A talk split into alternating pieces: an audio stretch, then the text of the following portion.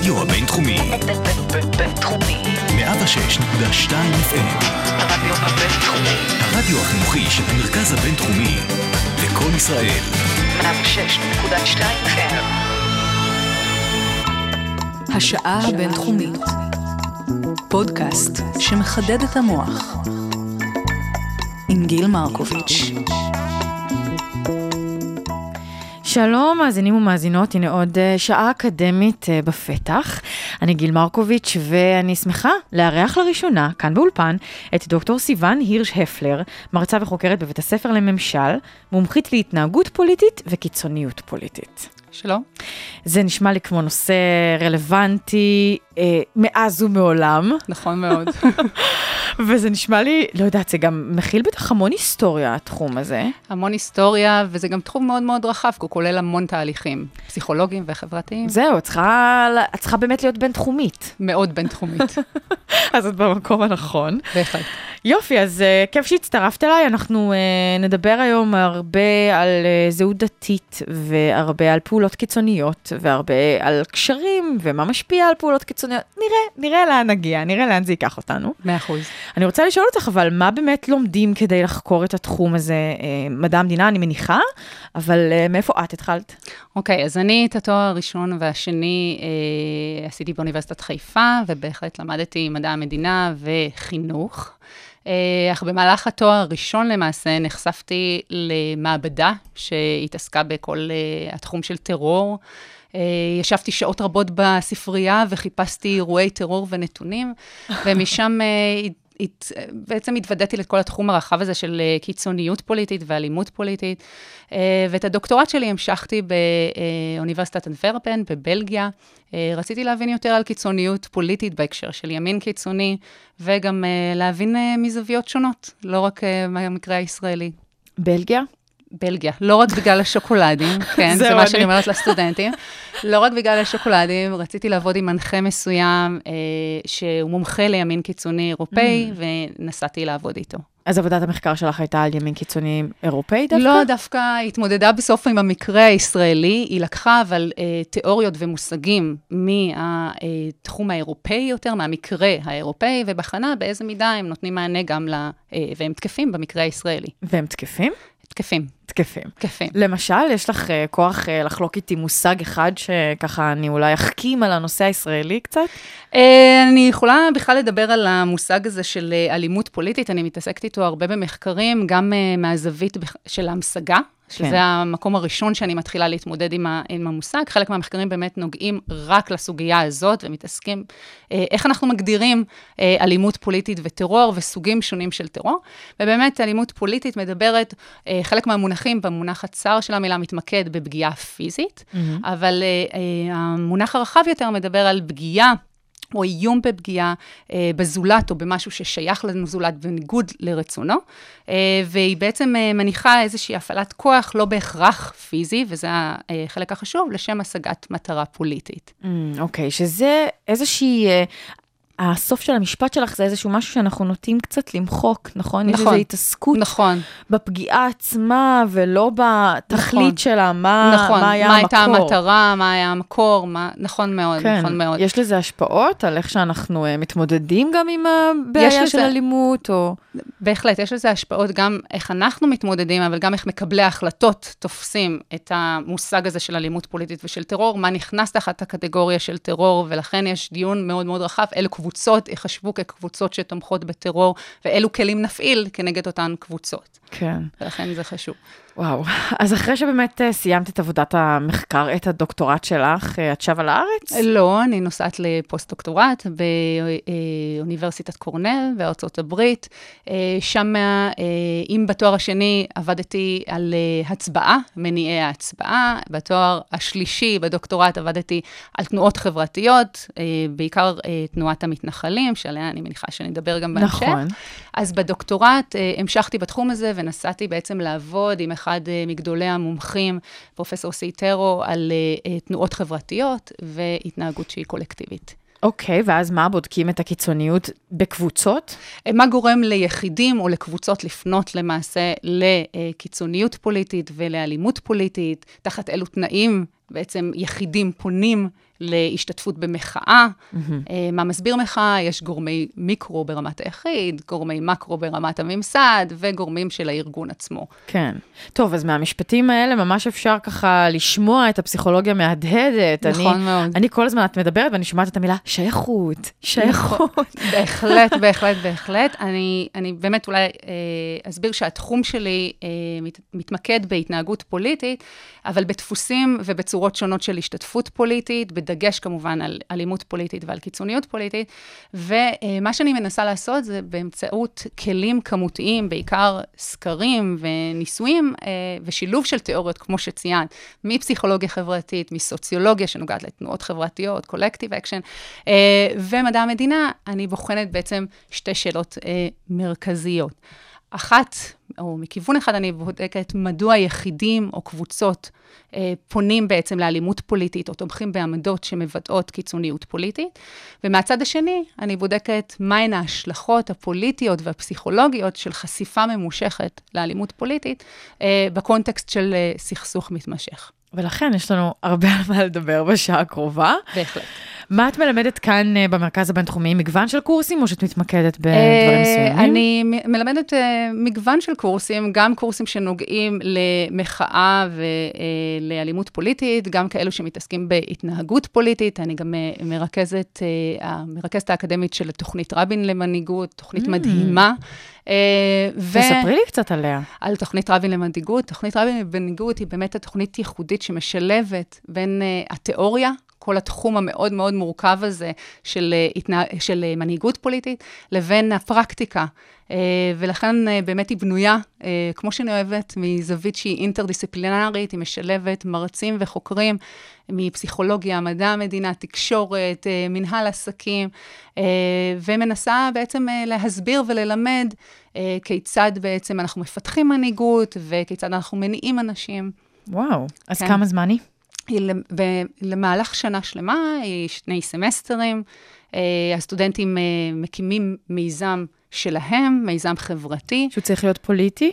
לא, לא, לא, ממש לא. אוקיי. מיזם שיש לו חשיבות וערכיות לחברה הישראלית, שיש לו השפעה כזו, וגם מיזם אישי שלהם, בסופו של דבר, מיזם כן. חברתי. את עוקבת אחרי הבוגרים והבוגרות של התוכנית כדי לדעת מה קורה איתם עכשיו? אה, קצת כן, מסקרן. לא, מאוד, חלקם אפילו נשארים בקשר ומיידעים, ו- ולגבי uh, תהליכים שהם חשבו ודברים שהם למדו ומשתמשים בהם עכשיו לפרויקטים קיימים, זה נפלא, זה החלק הכי כיפי בעבודה עם, ה- עם הסטודנטים. כן, זה הארדקור למצות מהאקדמיה את, ה... בדיוק, את מה שאני- המעשיות. נכון, וזה בדיוק מה שאני אוהבת כאן, השילוב הזה בין הפרקטיקה לתיאוריה, כן. וזה, וזו התוכנית. וגם. יש הרבה מאוד עוצמה לכלים שמתבססים, שמבוססי ידע. נכון, נכון מאוד, והם באמת באמת משתמשים בהם, אה, ויש כאן פרויקטים נפלאים שיוצאים לדרך אה, בעזרת התוכנית הזו. איזה כיף. איזו תוכנית שפועלת באקדמיות נוספות, או זה משהו ייחודי לא למקום? משהו ייחודי למרכז הבינתחומי. נחמד. טוב, בסדר. אז uh, לפני שאנחנו uh, צוללות לתוך הנושא שלשמו נתכנסנו, אני רוצה שנשמע uh, שיר מתוך כמה שירים שבחרת. אנחנו נעשה, כן. עם השיר הזה נראה לי שנעשה איזה ספתח, איזה ל- לנושא של התוכנית, כי הוא בהחלט מתעסק בנושא ש- שאנחנו נדבר עליו. זה Killing in the Name וזה Rage Against the Machine. את רוצה להגיד כמה מילים על הבחירה? כן, אה, האמת שהייתה לי התלבטות בין השיר הזה של הלהקה, או בין שיר אחר שנקרא Settle for Nothing, שזה גם הכותרת של הדוקטורט שלי.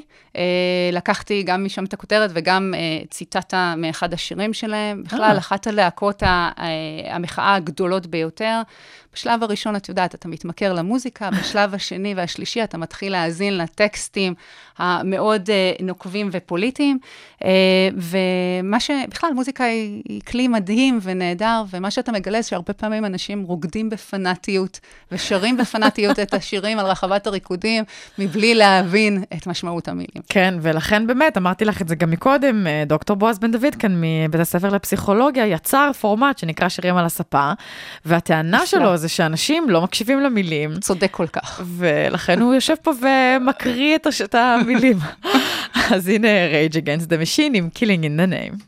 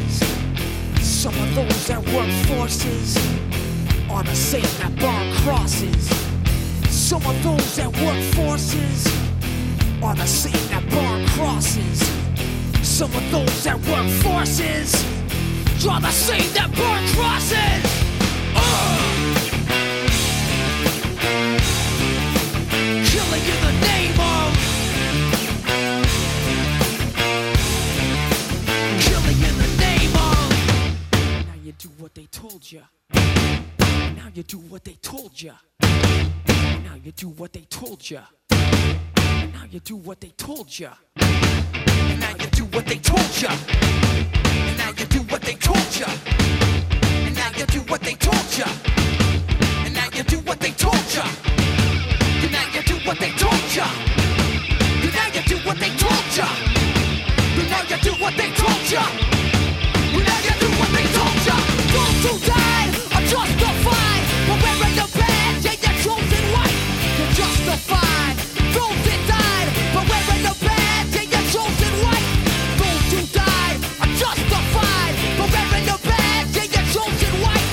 Justified. Those who died wearing badge chosen white. Some of those that work forces are the same that burn crosses. Some of those that work forces are the same that burn crosses. Some of those that work forces are the same that burn crosses. Some of those that work forces are the same that burn crosses. Ugh.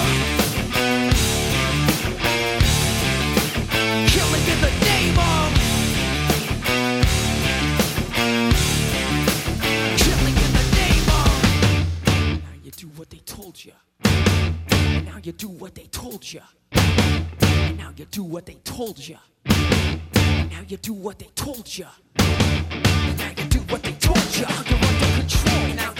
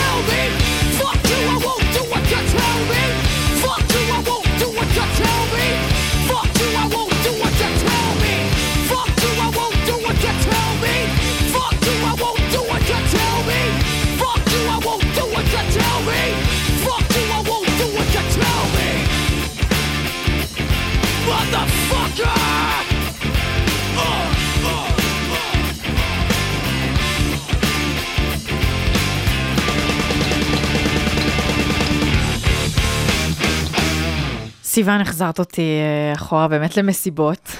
ולתיכון. כן, לתיכון, גם לצבא, אצלי זה היה גם בתקופת הצבא. אה, אבל אין בזה רע, אה, אנחנו למדנו גם להקשיב למילים וגם לרקוד. אז אז אז זה חשוב. אז זה בסדר. אוקיי, אז uh, באמת בואי, בואי ננסה ככה uh, להגדיר אולי בתור התחלה uh, נקודת מוצא לשיחה שלנו. Uh, בכלל, מה אנחנו מגדירים uh, כהקצנה, כן? איפה, איך מודדים אותה? מה הממוצע? מה, ה, מה נקודת הייחוס נכון. אה, להקצנה? ומשם אה, נמשיך לעוד כל מיני דעות אה, רווחות שלא בטוח נכונות. כן, אז באמת אה, אחד הדיונים המאוד מאוד אה, אה, חשובים הם סביב הסוגיה של ההמשגה בקיצוניות פוליטית ובכלל בסוגיה של הקצנה. אה, למעשה ההגדרה עצמה נוגעת לחתירה כנגד ערכי שלטון אה, וכנגד ערכי הדמוקרטיה. תוך איזשהו מתן אה, לגיטימציה, בין אם הוא סמוי ובין אם הוא גלוי, לשימוש באלימות אה, אה, על מנת לשנות את המצב הקיים, mm-hmm. אה, וזאת לשם השגה של אה, יעדים או מטרות אה, פוליטיות.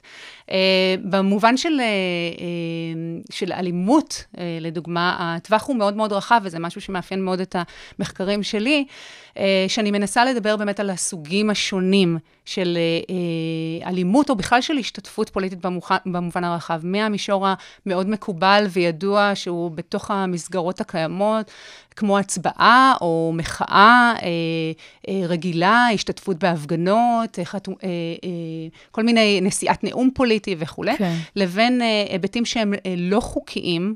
אה, לא, אה, לא לגאליים, ובקצה גם נוגעים באלימות. זה יכול להיות מאלימות שהיא מילולית, לפגיעה שהיא ברכוש, ועד לפגיעה שהיא בעצם פיזית, כנגד, לדוגמה, נבחרי ציבור. כן. הפגנה לא חוקית נחשבת? הפגנה לא חוקית אה, נחשבת, אם כי מרבית האנשים, לפחות כששואלים אותם, לא תמיד יודעים אם ההפגנה היא חוקית או לא חוקית. כן. עבורם המילה הפגנה היא, השתתפתי במחאה כזו או אחרת, או בהפגנה, אבל הם לא תמיד עושים את ההבחנה בין המישור החוקי שלה למישור הלא חוקי. אבל כמו שאי ידיעת החוק אינה פוטרת מעונשו, אז אי ידיעת החוק אינה פוטרת מלהגדיר אותה נכון, אה, כהקצ... נכון. כהקצנה. נ- אה, להגדיר אותה בסל של ה- אה, מה שאנחנו קוראים השתתפות שהיא, או בספרות הפסיכולוגית לא נורמטיבית, או שהיא בספרות הפוליטית היא השתתפות שהיא לא חוקית, או רדיקלית, או אלימה בקצה שלה, אם היא משתמשת גם באלימות מילולית או פיזית. כן.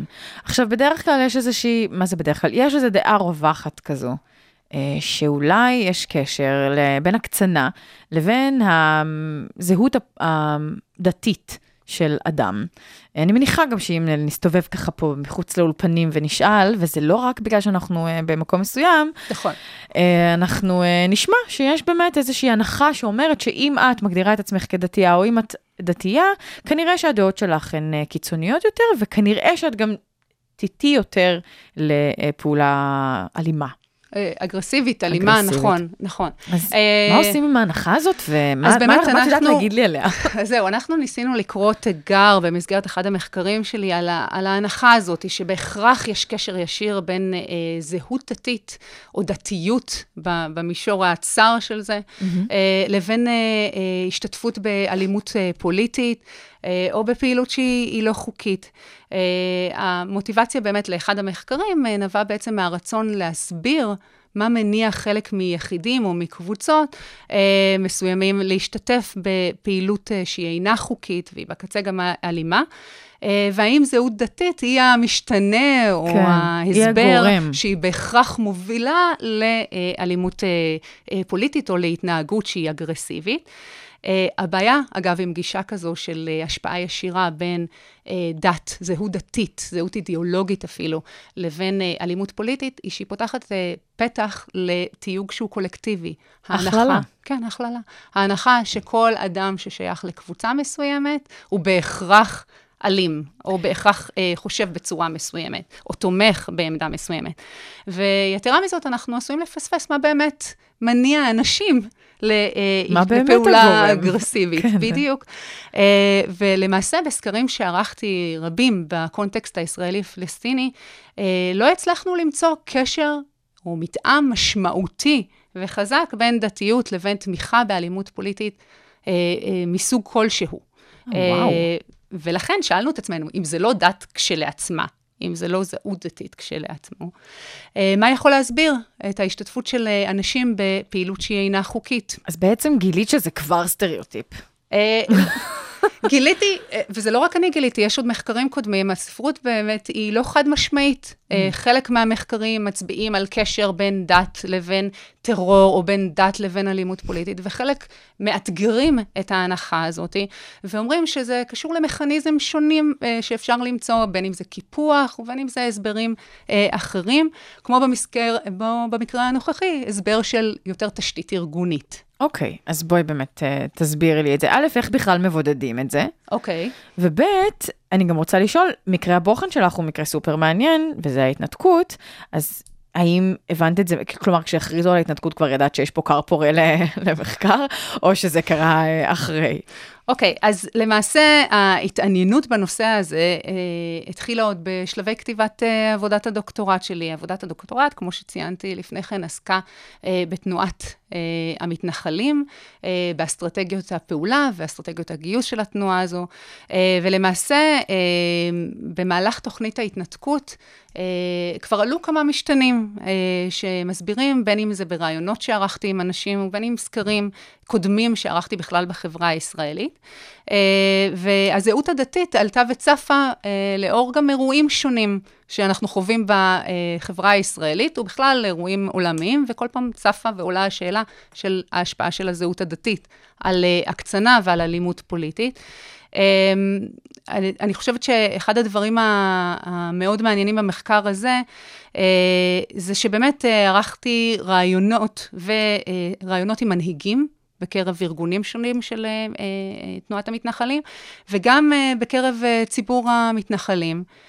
וניסיתי להעריך מה אם בכלל הניע חלק מהם להשתתף בפעילות לא חוקית, ובקצה גם בפעילות אלימה, בהקשר של תוכנית ההתנתקות כן. מרצועת עזה. Uh, חשוב לציין שהמחקר דווקא נערך לאחר תוכנית ההתנתקות, mm-hmm. ויש באמת את הדיון, מתי שואלים, מתי הזמן הנכון לשאול אנשים על ההתנהגות הפוליטית שלהם, ובעיקר בסוגיות רגישות כמו תמיכה בפעילות שהיא לא חוקית. כן. אה, בזמן הפינוי עצמו זה בטח לא הזמן המתאים, אבל לאחר מכן, המחקר נערך בפברואר 2006. אה, למעשה... אה, חצי פנ... שנה כזה. חצי שנה לאחר מכן, כשברקע אה, יש פינויים נוסי, נוספים. אה, של מבנים כאלה ואחרים אה, ביהודה ושומרון, וסביב הקונטקסט הזה בעצם אה, ניסיתי להבין את ההשפעה של זהות דתית וזהות אידיאולוגית בהקשר של השתתפות בפעילות שהיא לא חוקית. ראשית, סליחה? לא, לא, כלום, אני, אני פשוט סקרנית לדעת באמת מה עושים. שואל, שואלים את האדם אה, אם הוא יכול להגדיר את עצמו כמי שהשתתף בפעילות אה, פוליטית אלימה, או לא אלימה, או שפשוט את פורטת לו את הפעולות ולא אומרת לו איך את מגדירה, את רק אומרת לו להגיד לאיזה מהקבוצות של הפעולות הוא השתייך. אה, אז למעשה, מה שאת עושה, את לא הולכת ושואלת את האדם, האם השתתפת בפעולה אלימה? חלק מהמחקרים, אגב, מדברים על תמיכה, על כוונות. זאת אומרת, תמיכה באיזה מידה אתה תופס אה, פעולה אלימה כפעולה לגיטימית בתנאים של מדיניות שהיא מאיימת. כן. אה, מחקרים אחרים שרוצים לבדוק אה, התנהגות בפועל, כמו במקרה הנוכחי, בעצם שואלים, נותנים סט שלם של השתתפויות, של צורות שונות של השתתפות פוליטית, מהמתונה ביותר ועד ה... אה, נאמר, הלא חוקית והאלימה ביותר. לענוד סרט אה, ולפרוץ לבתים של... זה יכול להיות, האם כתבתי בעצם אה, מכתב בנושא ונאמתי נאום בכנס פוליטי, כן. וחתמתי על עצומה, ותליתי שלטים וסטיקרים, והלכתי להפגנה, ועד לחסמתי כבישים, והשתלטתי על מבנים, ופגעתי ברכוש. ופגע, ופגעתי פיזית. כן. Uh, השתמשתי בכוח פיזי גם. Mm-hmm. Uh, ומה שבאמת uh, מעניין הוא שהסקר הצביע על מתאם מאוד נמוך ולא משמעותי בין הזהות הדתית לבין uh, תמיכה בפעילות שהיא לא חוקית. כן. וייתכן והסיבה, וזו הייתה הנחת המוצא של המחקר, היא שהמתנחלים, הציבור, אה, שהרבה פעמים אנחנו שומעים עליו כמקשה אחת, הוא לא מקשה אחת. כן.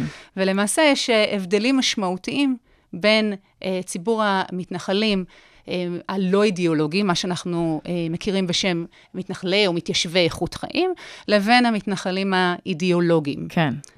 שזה, תראי, מה שאת אומרת עכשיו זה, זה אולי א' ב' של אה, כלי ההכללה באופן כללי. תמיד כשאנחנו נכנסות לתוך קבוצה, אנחנו מגלות שהיא דווקא קצת הטרוגנית, או לפחות יותר הטרוגנית ממה נכון שחשבנו מאוד. שהיא.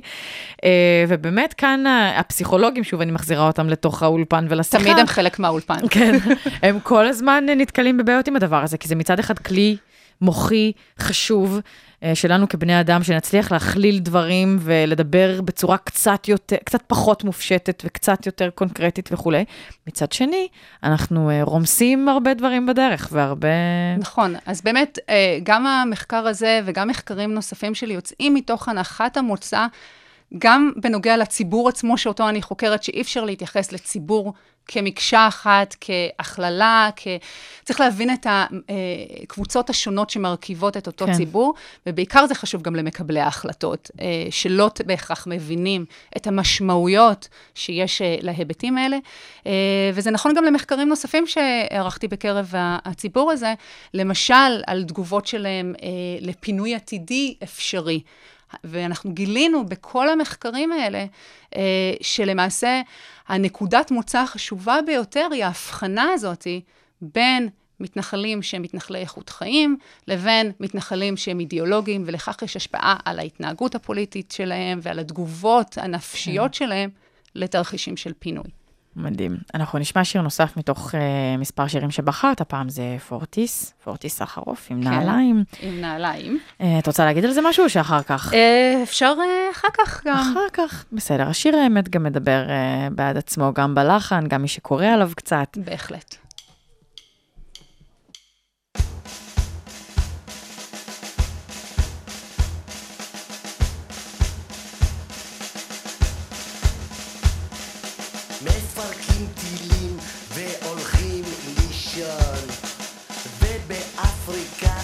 שמעו על מעדר וקלשון היפנים פיתחו אדם מתוחכם שמשמיד אנשים מזן מסוים מזן מסוים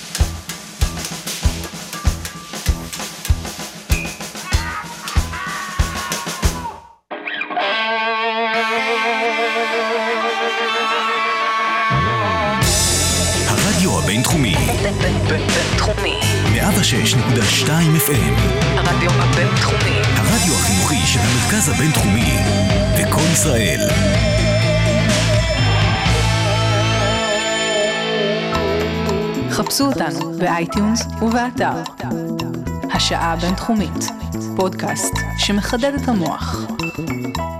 אז אנחנו צריכות גם ללמוד בעצם ל- ל- להבין מה זה זהות דתית, נכון? אנחנו מדברות על זה ואנחנו מדברות על הקשר של זה לפעולה הקיצונית או הלא קיצונית, פעולה במקרה הזה הבלתי חוקית. הבלתי חוקית. כן. אוקיי, אז אנחנו ממש צריכות לדבר על זה. את רצית אבל להגיד כמה מילים על, אה, על נעליים בכל זאת, אז שתי שניות לפני שאנחנו חוזרות לזהות דתית. אה, כן, את יודעת, אה, ילידת אה, סוף שנות ה-70, נערה בשנות ה-90, כמובן שפורטי סחרוף היו חלק מרכזי מהמוזיקה ששמעתי, אבל אה, בהקשר של השיר הזה, אולי הדבר הכי מעניין זה בתקופת המחאה החברתית, אה, בקיץ 2011, כשהסתובבתי וניסיתי להבין מהאנשים, מה מניע אותם להשתתף אה, במחאה וכולי.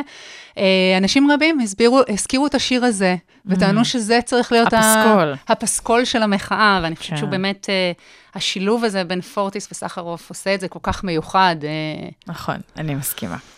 אוקיי, אז איך אנחנו באמת אה, מגדירות זהות דתית? האם מספיק מה שהאדם מצהיר על עצמו? אה, האם לנו יש איזושהי הגדרה כאילו, ואני בכוונה אומרת מרכאות, אה, אובייקטיבית? אז אה, איך, איך מודדות ומודדים את זה? שוב, ויכוח בספרות, כי הרי אנחנו אוהבים להתווכח ולדון על כל דבר. זה טוב, זה טוב. זה מפרה, מפרה את הידע בעיקר. אה, ו- ולכן אה, באמת, מי המונח הצר, שכמו שאת מזכירה, שמדבר על ההגדרה הסובייקטיבית של הפרט, כיצד הוא מגדיר את עצמו? על רצף של דתיות, מ- במקרה הישראלי לדוגמה חילוני, למסורתי, לדתי, לחרדי. Uh, הבעיה במקרה הישראלי עם הגדרה כזאת, היא מה אנחנו עושים עם כל אלה שמגדירים את עצמם כמסורתיים, ויש רבים כאלה. נכון, אני חושבת שאפילו האם- הרוב, לא? Uh, יש, כן, בהחלט. ואז לאן, לאיזה קבוצה הם משתייכים? האם uh, לקבוצת החילונים או לקבוצת הדתיים? ואם כן. אני נאלצת לקודד את המשתנה הזה לדתיים מול כל השאר, מה אני עושה איתם? כן. ומה זה בעצם אומר, uh, מעבר למשמעויות הסטטיסטיות? מה בעצם המשתנה הזה אומר כשיש לי קבוצה מאוד גדולה שההשפעה שלה היא לא ליניארית? כן. כי בהרבה מהמקרים מוצאים שאנשים שדווקא הם מסורתיים, כן uh, נוטים לתמוך יותר בעמדות שהן מיליטנטיות, לדוגמה, אוקיי? Mm. אז אה, דרך אחרת למדוד זהות דתית, היא בעצם להסתכל בפרקטיקות של אנשים. אה, לשאול שאלות על אה, כמה מהם הולכים לבתי כנסת, כמה פעמים בשבוע, או בשנה, או בחודש, כל מיני פרקטיקות. אנחנו יכולים לשאול גם שאלות שנוגעות לשאלות שמבטאות דת. ועקרונות דתיים ותמיכה, ולפי זה בעצם לקודד. ואנחנו יכולים ללכת, כמו במקרה הזה, גם למקום המגורים של האדם, שזה מה שמיוחד מאוד במקרה הנוכחי, של ההתנתקות. של ההתנתקות ושל היישוב, או של ההתנחלות, שבה אה, האדם אה, אה, גר, שהיא מבטאת אה, הרבה פעמים את הזהות האידיאולוגית שלו אל מול הזהות הדתית שלו. כן, למעשה, זה, יש בדיוק, זה מעבר לדתית, זה לא רק נכון, לדתית, זה, זה לא ממש רק דתי. אידיאולוגיה. זה ממש אידיאולוגיה, ויש ביניהם מתאם מאוד מאוד חזק, בין הדת לבין האידיאולוגיה.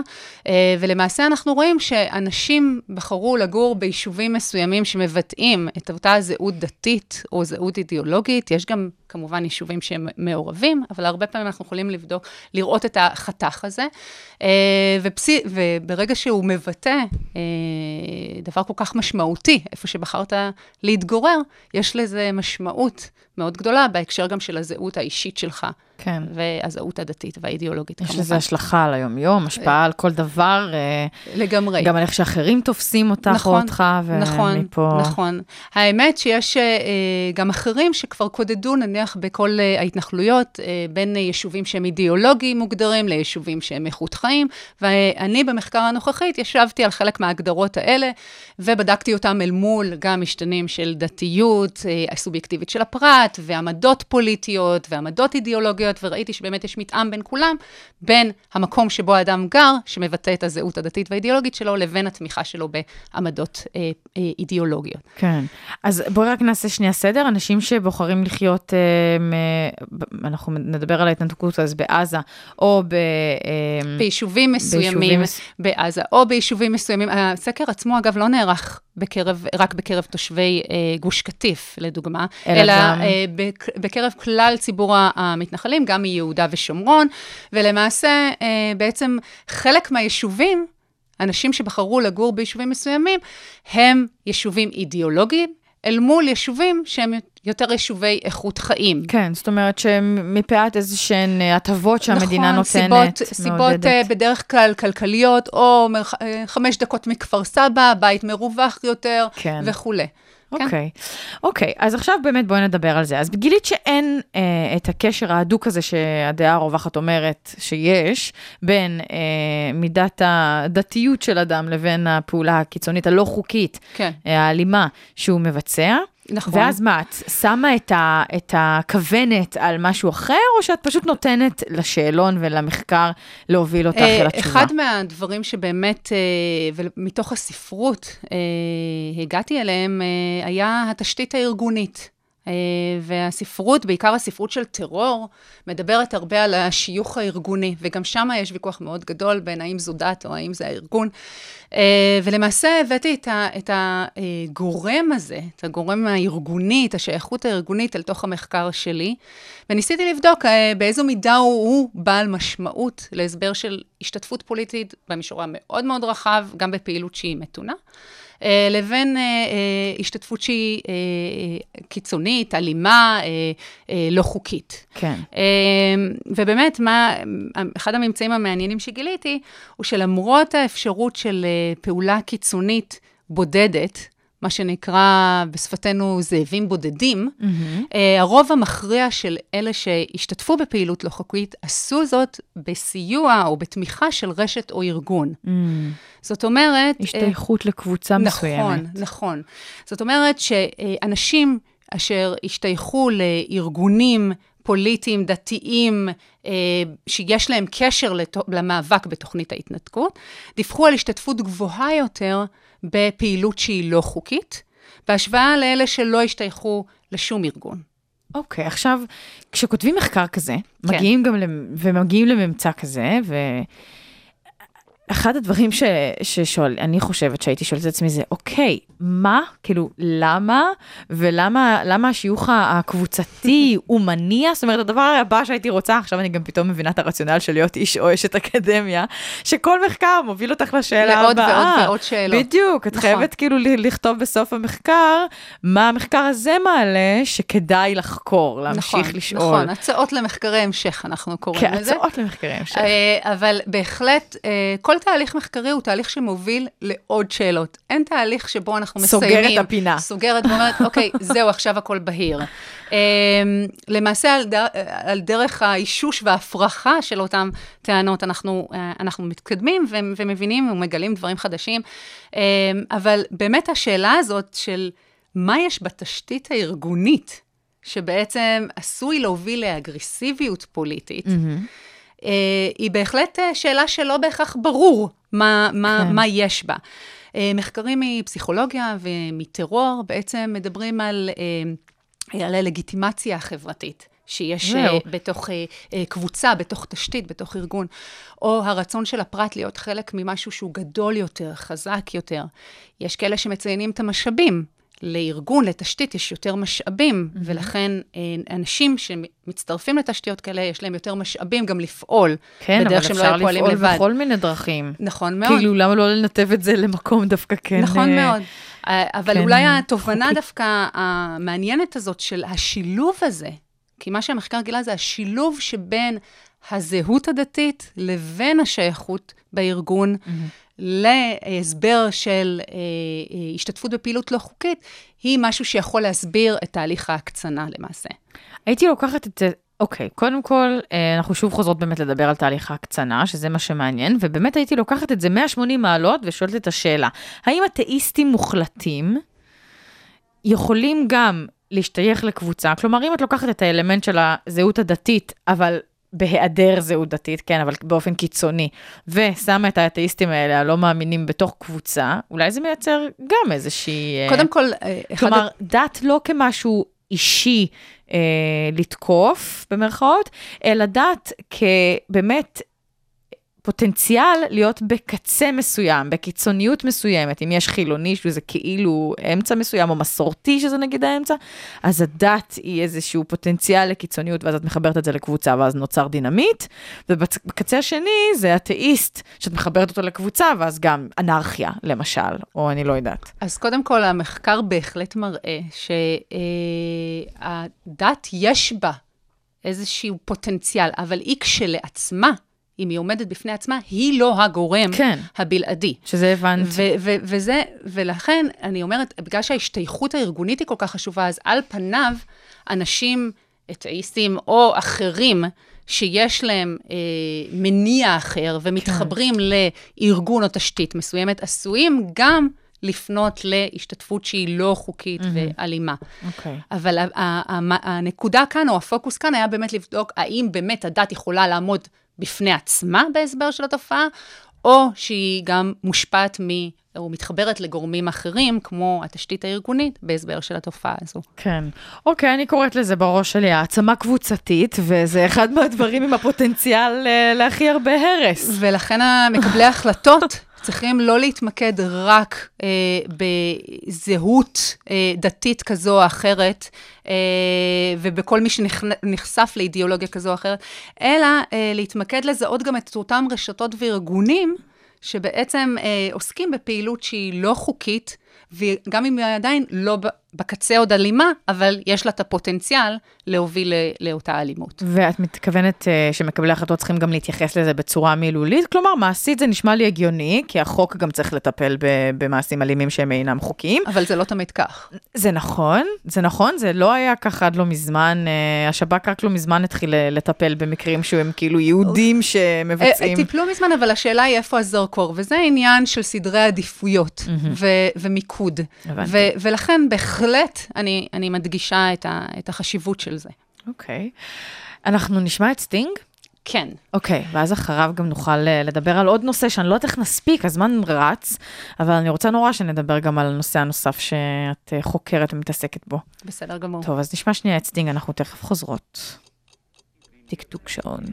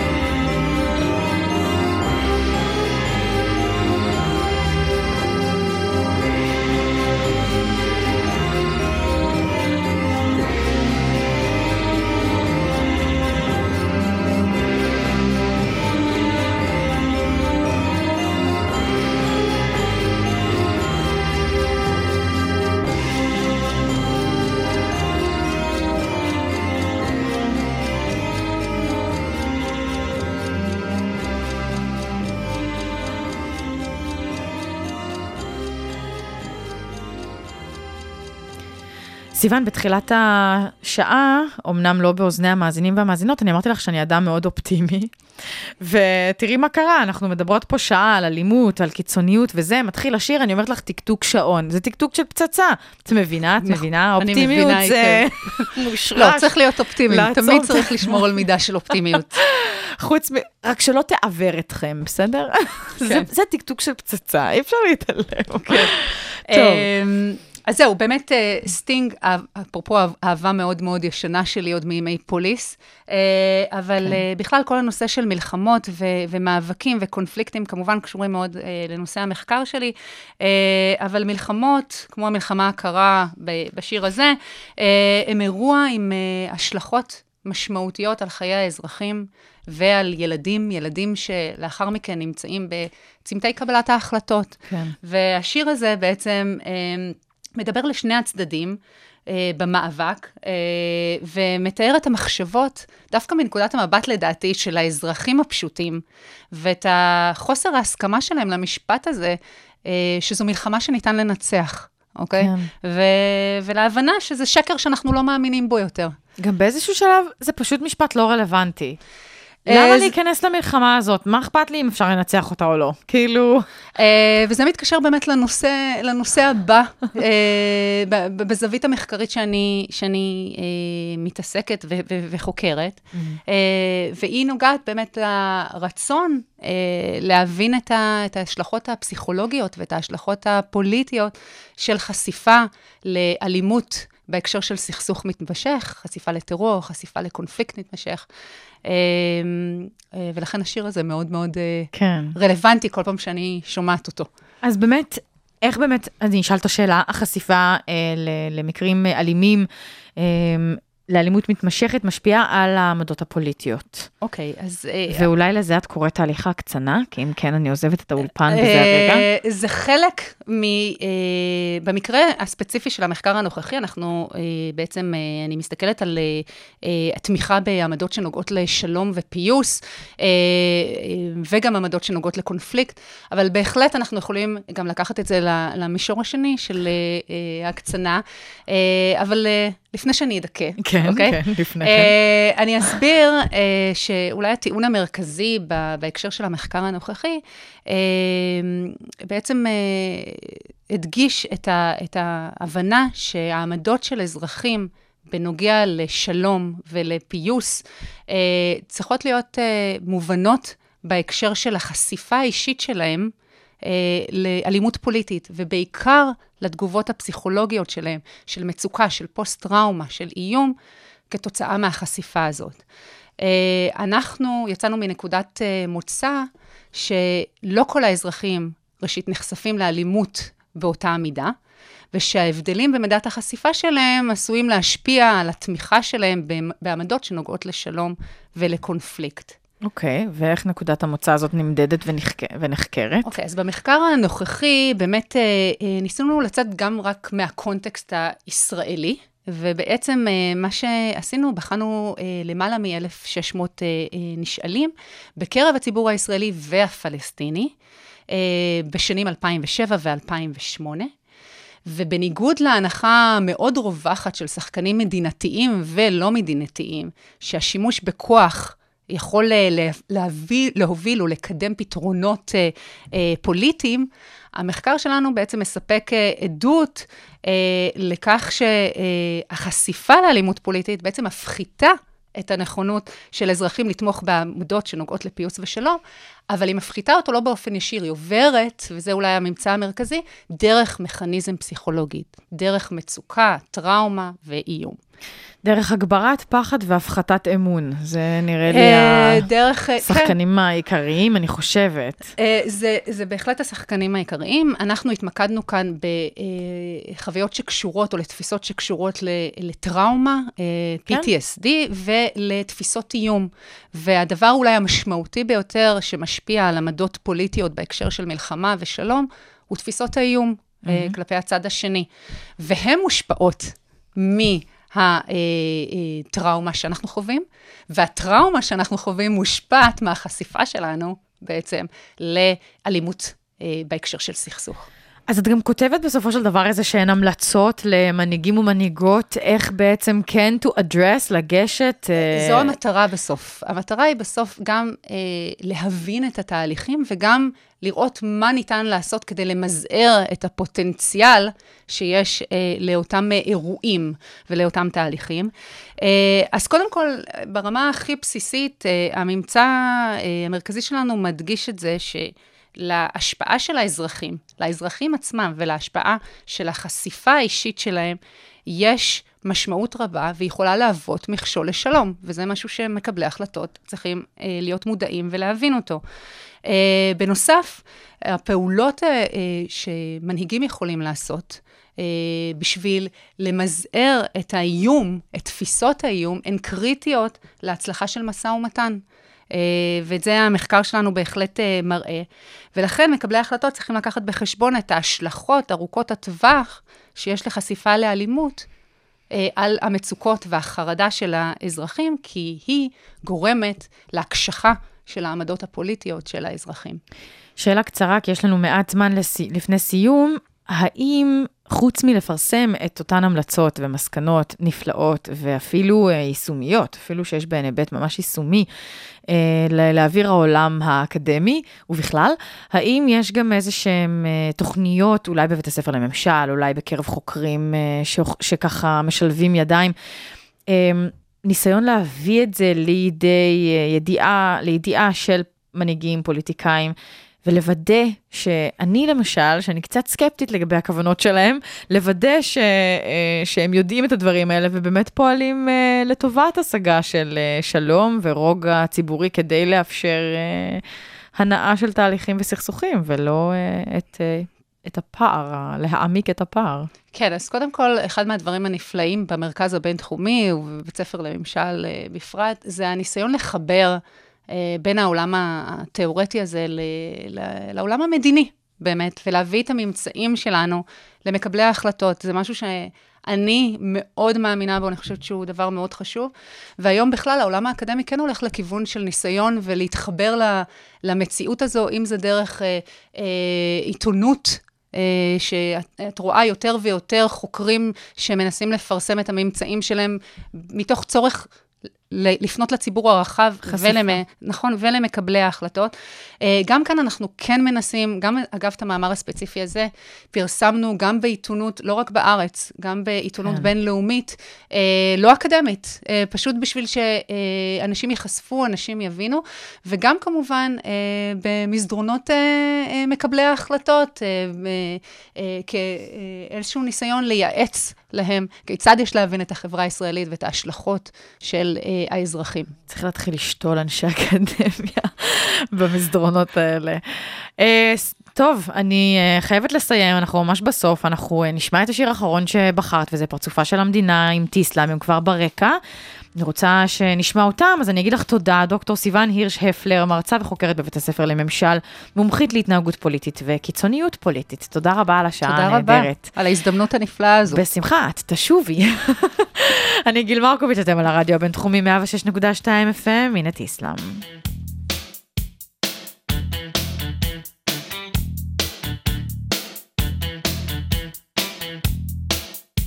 יצא בבוקרו של יום קיץ מתיש, נשק לאישה, חצה את הכביש, מכונית מטופחת, נהג מיומן, שועטים לבירה, יום חדש לעסקן. הקטן. מחייג בנסיעה, ענייני מפלגה, ודואג לחלקו בפרוסת העוגה.